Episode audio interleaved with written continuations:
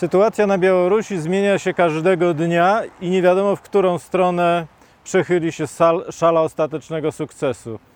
Jeszcze w niedzielę i w poniedziałek wydawało się, że demokratyczny blitzkrieg po największych w historii kraju demonstracjach przechyla się na stronę e, ludzi chcących zmian i odejścia Aleksandra Łukaszenki. Tym bardziej, że w poniedziałek białoruski dyktator udał się do jednej z fabryk e, zbrojeniowych w Mińsku i tam został wygwizdany i zakrzyczany przez robotników, którzy w oczy wykrzyczeli mu, że e, powinien odejść, że sfałszował e, wyniki wyborów. Ale we wtorek sytuacja zaczęła się zmieniać na korzyść władzy, bo okazało się, że fala strajków, która wydawała się rozlewać na cały kraj, nie jest ani tak, nie, nie ma ani tak szerokiego zasięgu, ani nie jest tak liczna, jak to jeszcze wyglądało, wyglądało wcześniej, a obóz władzy jest bardziej spoisty yy, niż można było się tego spodziewać. Jak wygląda zatem obóz władzy? Obóz władzy to dzisiaj przede wszystkim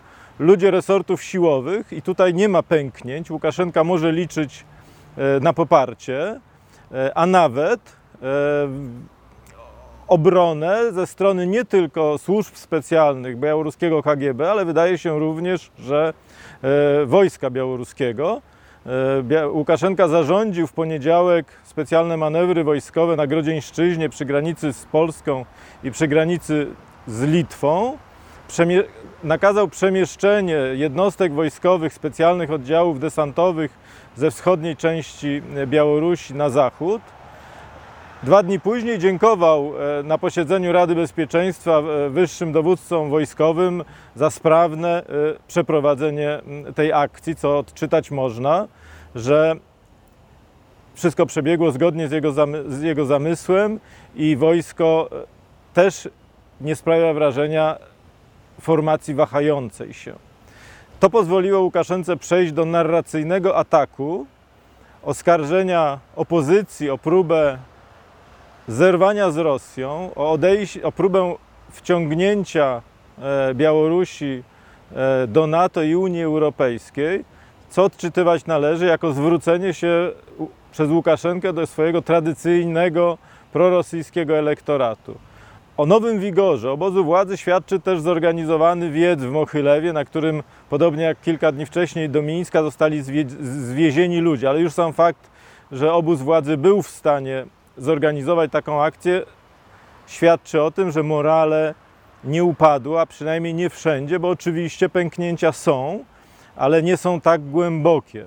Odeszło e, kilku e, ambasadorów, wyższych urzędników Ministerstwa Spraw Zagranicznych E, opozycję poparł były premier Serhii Rumas, a największe czy naj, najgłębsze pęknięcie miało miejsce na Grodzieńszczyźnie, gdzie mie, miejscowe władze zgodziły się e, z żądaniami protestujących, zapewniły im gwarancję bezpieczeństwa oraz dopuściły do, do, do lokalnej telewizji, tak aby mogli komunikować się, komunikować się z ludźmi. A jak wygląda obóz opozycji? Obóz opozycji przystąpił e, e, do budowy pewnej platformy politycznej, której celem ma być rozmowa z władzami, o ile pojawi się chęć takiej rozmowy, zbudowanie reprezentacji społecznej i zbudowanie formuły politycznej przekazania władzy przez Aleksandra Łukaszenkę. Swietłana Cichanowska, znajdująca się na Litwie, po kilku dniach, kiedy mogła odetchnąć, odpocząć i swoje skołatane nerwy e, e, odbudować, wystąpiła z kilkoma oświadczeniami.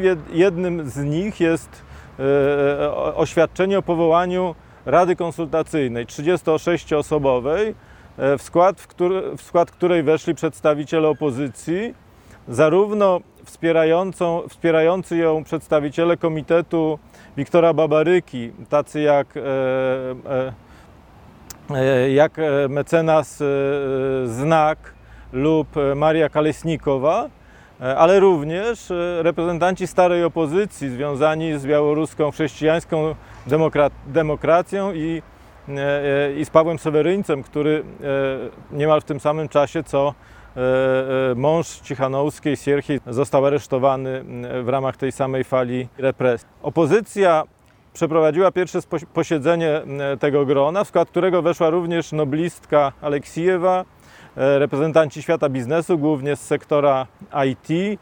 e, I zapowiedzieli rozszerzenie, rozszerzenie e, tego składu, tego ciała, tego gremium e, do 70, do 70 osób.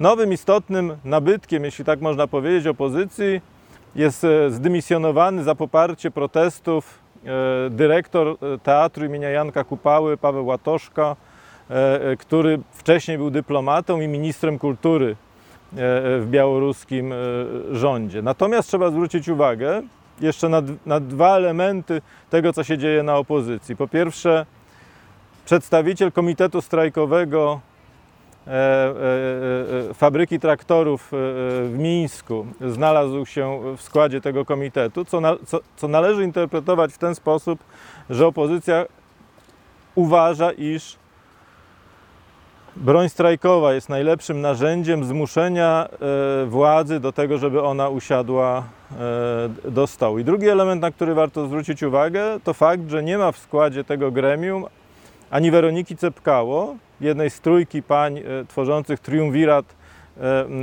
wyborczy, który rzucił Łukaszence wyzwanie, ani nie ma też jej męża Walerego, ani w gruncie rzeczy nie ma nikogo ze sztabu wy, wyborczego e, e, Walerego Cepkało, co być może jest zapowiedzią pewnych podziałów e, białoruskiej opozycji.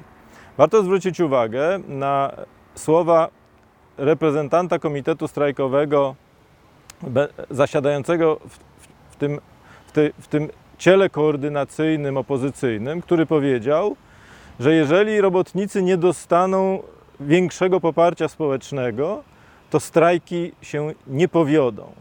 Według jego opinii obecnie tylko 20% e, robotników w tych zakładach, które sformułowały komitety strajkowe, strajkuje, a 80% robotników e, uprawia strajk włoski. To znaczy stoi przy maszynach, ale w sposób opieszały, opieszały wywiązuje się ze swoich, ze swoich zadań.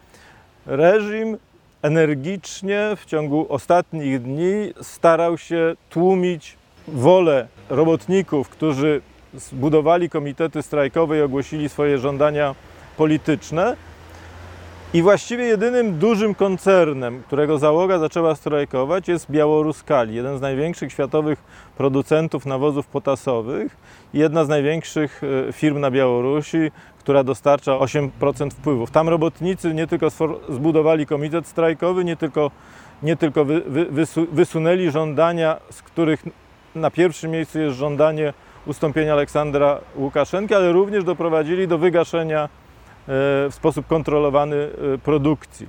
W innych fabrykach e, ta produkcja trwa nadal i władze, można powiedzieć, uzyskały coś na kształt przekonania, że są w stanie kontrolować ten e, ruch strajkowy. Na Białorusi nie jest łatwo strajkować, nie tylko dlatego, że to jest społeczeństwo e, legalistyczne i szanujące, e, i szanujące prawo, co widzieliśmy wielokrotnie e, e, w relacjach e, z demonstracji, kiedy wielotysięczne kolumny idące na miejsca demonstracji zatrzymywały się na czerwonym świetle i nie wchodziły na jezdnię idąc, idąc chodnikami. Ale również na Białorusi niełatwo jest strajkować, że pensje są niewy, niewysokie, związki zawodowe są kontrolowane przez władze i ludzie nie mają po prostu funduszy strajkowych i boją się o własną przyszłość.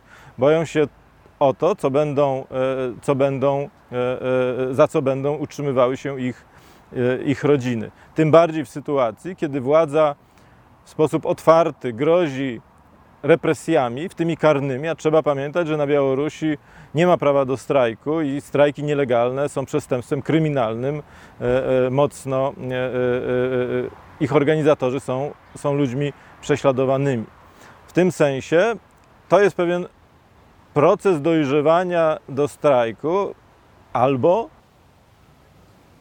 z czym też trzeba się liczyć, proces opadania tej fali, e, tej fali protestu.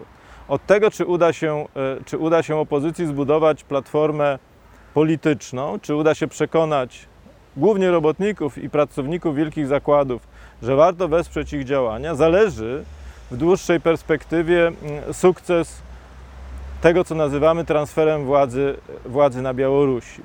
Z pewnością ta gotowość opozycji do, e, i zdolność opozycji do, do uzyskania trwałego poparcia wpłynie na długość tego, e, tego procesu, bo dla właściwie nikogo nie ulega wątpliwości, że czas Aleksandra Łukaszenki został, e, należy już do przeszłości. On już nie odbuduje zaufania, nie odbuduje poparcia e, na Białorusi i będzie mu trudno rządzić, jeśli w ogóle, jeśli w ogóle e, będzie miał taką e, zdolność. Wydaje się również, że Rosja, do której Łukaszenka zaczął się intensywnie odwoływać, apelując o pomoc i wsparcie, jest tego świadoma i dlatego nie chce takiej pomocy udzielać ani w formie wojskowej, ani w formie sił policyjnych, twierdząc, że jeszcze czas na to nie nadszedł. Większość komentatorów rosyjskich, ekspertów i analityków uważa, że najgorszym rozwiązaniem z punktu widzenia Rosji byłaby jakaś forma interwencji wojskowej czy policyjnej. Z tego prostego powodu, że Rosja nie chce postawić na konia, który przegra. Stawiając na Łukaszenkę, e, który utrzyma, utrzyma swoją władzę e, aparat, dzięki aparatowi represji, może poróżnić się na trwale ze społeczeństwem białoruskim. Stawiając kolei na społeczeństwo, o ile Łukaszenka wygra to starcie ze społeczeństwem, może okazać się, że podryfuje on w stronę Rosji, Rosji niechętną. W związku z tym Rosja póki co woli uprawiać politykę pewnego zdystansowania się, obserwowania, jak sytuacja się rozwinie, bo to jest jej na rękę. Łukaszenka osłabiony jest Łukaszenką znacznie bardziej podatnym na rosyjskie wpływy i jest politykiem, którego w dogodnym dla Rosji momencie będzie można, z, można zmienić na kogoś znacznie bardziej akceptowalnego dla społeczeństwa i akceptowalnego również, również dla Rosji. Sygnały, które Rosja dzisiaj wysyła również pod adresem Zachodu, brzmią w sposób następujący. Nie wtrącajcie się w wewnętrzne sprawy Białorusi. Białoruś powinna to załatwić sama, ale z drugiej strony e, w oficjalnych komunikatach Kremla, które zostały wydane po kilku rozmowach, które Łukaszenka przeprowadził z Putinem, pobrzmiewają inne tony. Jest tam odwołanie do wspólnego e, białorusko-rosyjskiego państwa i odwołanie do pomocy wojskowej, o ile taka konieczność e, zajdzie. Ten komunikat, który Rosja formułuje, jest dość, dość prosty, a mianowicie to Zachód ma się trzymać z dala od Białorusi, a Białorusini swoje problemy powinni rozwiązać w oparciu o białorusko-rosyjskie wspólne państwo. W tym sensie to, co się będzie działo na, na, na, Białorusi, powinno być zdaniem Kremla wyłączną domeną Rosji i to Rosja powinna zdecydować, kto będzie rządził, kiedy i w jaki sposób dojdzie do władzy.